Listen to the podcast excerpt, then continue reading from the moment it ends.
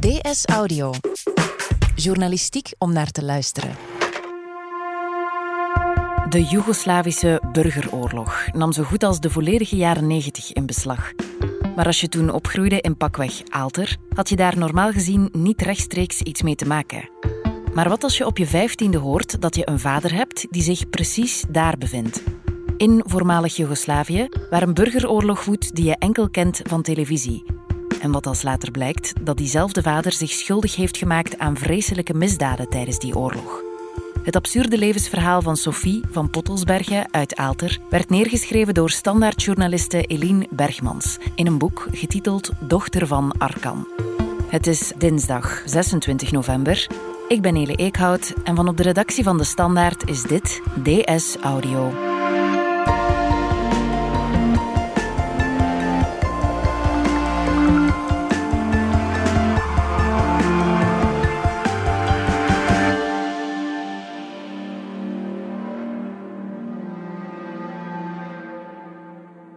Eline Bergmans, journaliste voor De Standaard. Vorige week is er een boek verschenen van jouw hand, maar het is niet alleen van jou, hè? Dat klopt. Um, ik heb het verhaal uh, opgeschreven van Sophie van Pottelsbergen. Dat is een, uh, een vrouw uit Aalter, uh, die net een paar weken geleden 40 geworden is. Um, en zij heeft op haar vijftiende ontdekt dat ze de dochter is van Jelko Raznatovic. Dat is een uh, Servische oorlogsmisdadiger. Mm -hmm. Beter bekend of ook bekend als Arkan, want dat is de titel, hè? Dochter van Arkan. Uh, dat is uh, de titel, ja. ja. Um, je zei het al, het verhaal van Sophie begint, voor Sophie althans zelf, op haar 15 jaar met een telefoontje. Kan je vertellen hoe dat ging? Uh, dat klopt. Dus ze was uh, 15 jaar. Um, ze is op dat moment in de tuin uh, het tuinhuisje aan het verven met haar, met haar vriendje. Um, en haar moeder roept haar naar binnen en zegt: Kom eventjes aan de telefoon. ze gaat naar binnen.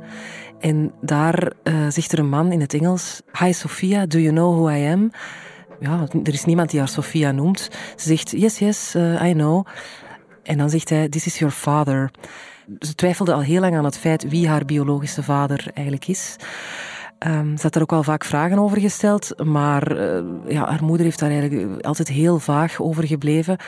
Um, en toen, enfin, toen kwam die man dus op de proppen, uh, maar dan is ze blijven aandringen en dan heeft haar moeder toegegeven dat hij de biologische vader is van, uh, van haar. We spreken nu midden jaren negentig. Sophie krijgt telefoon van Arkan uit Joegoslavië. Wat is daar op dat moment aan de hand? Um, Joegoslavië is uit elkaar gevallen uh, en er woedt op dat moment een bloedige burgeroorlog tussen de verschillende bevolkingsgroepen. Mm -hmm. Achteraf is gebleken dat in die burgeroorlog uh, zijn eigenlijk de, de Serven de grote slechteriken geweest. Mm -hmm. Alleszins naar, naar West-Europese uh, inzichten. Arkan, dat was een, een Servisch nationalist Um, en die was de leider van een paramilitaire groep, de Tijgers. -hmm. Die vochten mee parallel aan het leger van Milosevic. En die zijn eigenlijk verantwoordelijk voor extreme gruwelijkheden, extreme vreedheden, verkrachtingen, moorden, plunderingen. Onder meer een van de, de feiten waar Arkan voor vervolgd is door het Joegoslavië-tribunaal is een afslachting in Vukovar, zo'n Kroatische stad uh, waar ze uh, in 1991 zijn binnengevallen. En in een ziekenhuis hebben ze daar 250 Kroatische mannen meegenomen. Iedereen die kon lopen moest meekomen en is afgeslacht op een nabijgelegen boerderij. Mm -hmm. dat, dat, weet Sophie op dat moment allemaal niet. Mm -hmm. Die wist eigenlijk weinig van de oorlog. Die wist dat er een oorlog woedde, maar, maar dat was dan eigenlijk ook alles. Uh, dat, ze was er ook totaal niet mee bezig. Maar op het moment dat ze enkele maanden later wordt uitgenodigd door haar vader om hem te komen bezoeken en om hem te leren kennen in Belgrado, dan ziet ze eigenlijk dat, dat haar vader een, een heel machtig man is. Mm -hmm. uh, hij heeft een fortuin vergaard als uh, crimineel voor de oorlog, uh, toen hij overvallen pleegde in, in heel Europa. Maar in het verpauperde Belgrado leidt hij, leidt hij op dat moment een, een, een luxe leven. Hij is de eigenaar van een voetbalploeg, van een casino. Hij is gehuwd met een, met een plaatselijke popster. Hij staat ook regelmatig op de covers van, van tijdschriften, wordt, wordt uitgenodigd in talkshows en is, is eigenlijk een soort society-figuur. Um, en in die wereld vol luxe komt Sophie terecht. En zij ziet eigenlijk vooral dat facet. En ze weet wel dat haar vader ook een, een, een legerleider is. Maar wat precies zijn rol is in die oorlog en wat hij precies uitsteekt, dat boeit haar op dat moment mm niet zoveel, ook omwille van haar leeftijd. Ja. Dat zal ze pas veel later uh, te weten komen. Um, herinner jij je nog wanneer jij voor het eerst over dit verhaal en Sophie hoorde? Wel, het, haar verhaal is wel in, in dat opzicht um, bekend dat ze in de jaren 90, het weekblad Humo heeft een paar keer geschreven dat Arkan een, uh, een Belgische dochter heeft. Mm -hmm. Maar zij spraken altijd over een, een, dochter in Brussel, wat eigenlijk niet klopte. Uh, op een bepaald moment is er één journalist geweest, Frans de Smit van het Nieuwsblad, uh, die de Balkanoorlogen volgde, die ook Arkan geïnterviewd had. Hij heeft in 1999 geschreven dat uh, Raznatovic, de echte naam van, van Arkan, een dochter in Gent heeft. Maar ik weet dat er een aantal journalisten wel hebben geprobeerd om haar op te sporen, maar, maar niemand heeft haar eigenlijk ooit gevonden. Want het was wel een beetje haar geheim dan, op dat moment. Ja, het, het was haar geheim. Sophie is heel open uh, en zij zij houdt absoluut niet van, van geheimdoenerij. En ze, ze heeft wel gevoeld dat het soms verstandiger is om, om te zwijgen en om niet naar buiten te komen als dochter van. Omdat ze ook niet geloofd werd, omdat het ook zo, um, zo, zo bizar is allemaal. Mm En dat ze in haar klas vertelde wie haar vader was en, en dat zij Chanel-pakjes van hem had gekregen in Belgrado. Dan, dan ja, iedereen keek eens vreemd en dacht, wat, wat, wat is dat voor een meisje? Um, omdat, het, ja, omdat het zo hallucinant is. Mm -hmm. Dat is een, een beetje een tweestrijd waar ze mee zit van, moet ik hier nu open over zijn of net helemaal niet?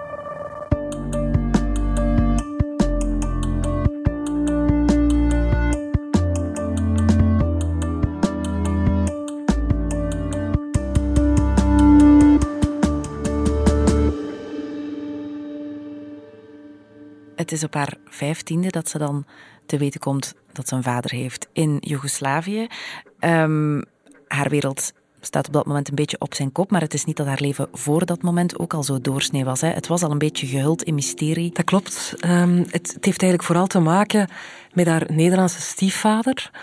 Uh, dat was een, een, Nederlandse crimineel, Helmoet van der Spek.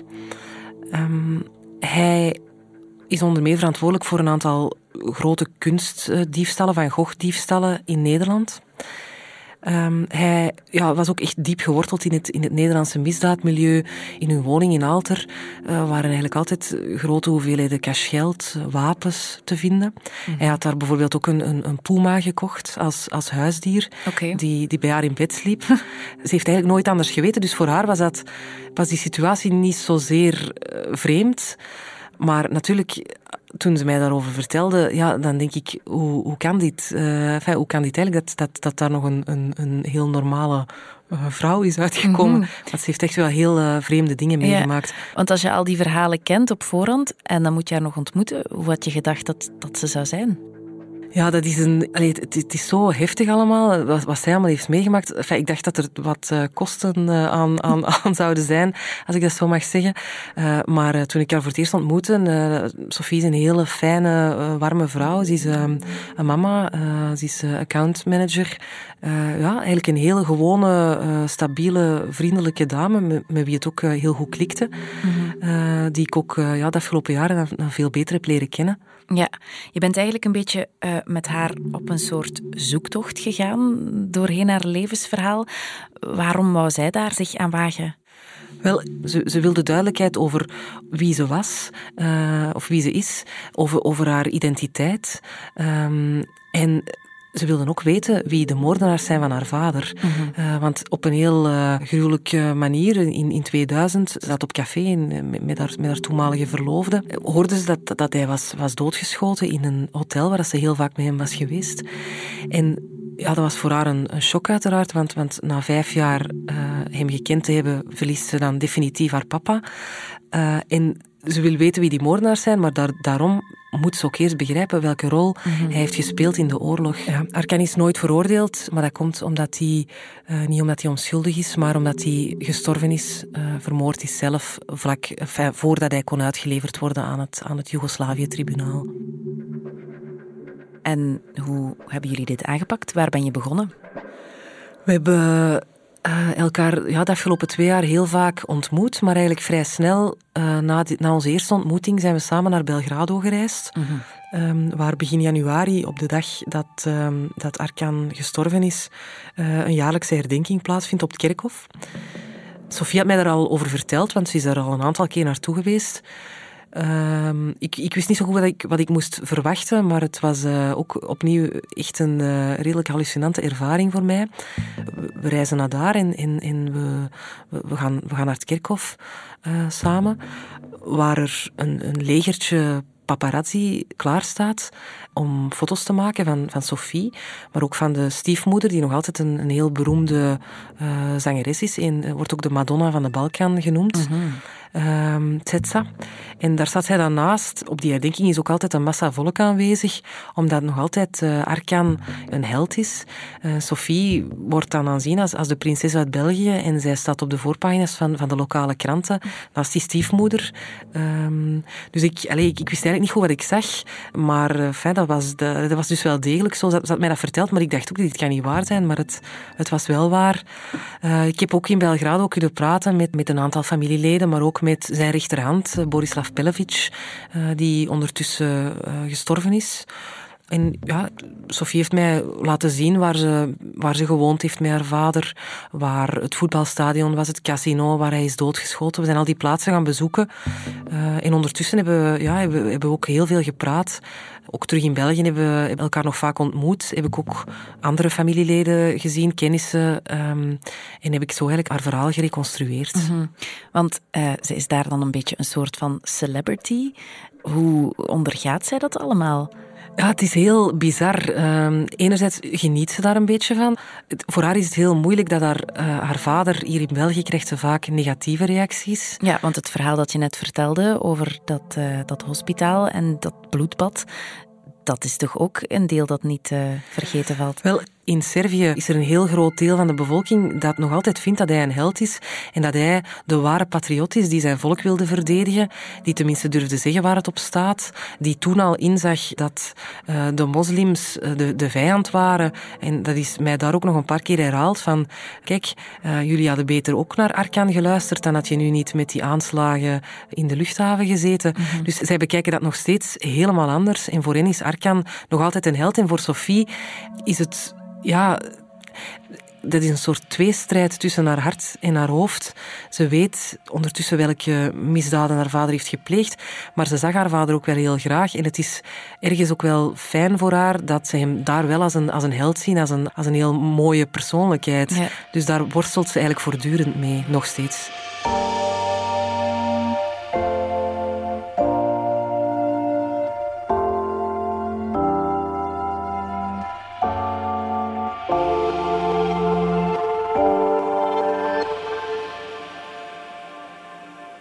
En ze wil nu ook officieel bewijs dat ze echt de dochter is van Arkan. Ze wil een DNA-test laten uitvoeren.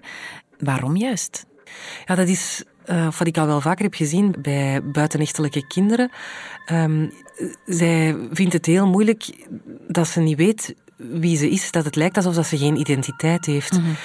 Um, voor haar is dat papiertje, uh, dat document belangrijk, ja, omdat, omdat het daar ergens wat duidelijkheid schept. En dat is ook iets waar ze nog altijd mee worstelt, waar ze die twee jaar dat ik haar ken verschillende keren tegen mij heeft, heeft gezegd, ik, ik wil graag op een dag door het leven gaan als Sofia Raznatovic, want dat is wie ik ben. Mm -hmm. en, en zeker toen we in Belgrado waren, kwam dat verschillende keren terug. Maar tegelijkertijd beseft ze ook dat Sofie Raznatovic heel nare herinneringen oproept. En ze wil die gruwelijkheden van haar vader ook totaal niet goed praten. Dus beseft ze dat dat eigenlijk helemaal niet zo'n goed idee is. En dat is ook zo'n een soort tweestrijd van, ja, wil ik dat, wil ik dat niet? Mm -hmm. Maar zo de bevestiging dat hij echt haar vader is, uh, op papier dan, want enfin, het is niet dat ze daar verder echt aan, aan, twijfelt. Er zijn ook genoeg redenen om aan te nemen dat het zo is. Ja. Uh, maar die bevestiging is voor haar ja, belangrijk in, in haar zoektocht naar, naar haarzelf. Ja, en nu met dit boek vertelt ze voor het eerst haar verhaal aan de wereld, aan het grote publiek. Um, wat vindt haar familie, zowel haar Belgische familie als haar familie uh, in Servië daarvan? Dat is een, een, een moeilijke vraag. Um, haar Belgische familie die hebben ja, vooral haar broer en zussen hebben behoorlijk nare ervaringen door het feit dat zij de dochter van Jelko Raznatovic is.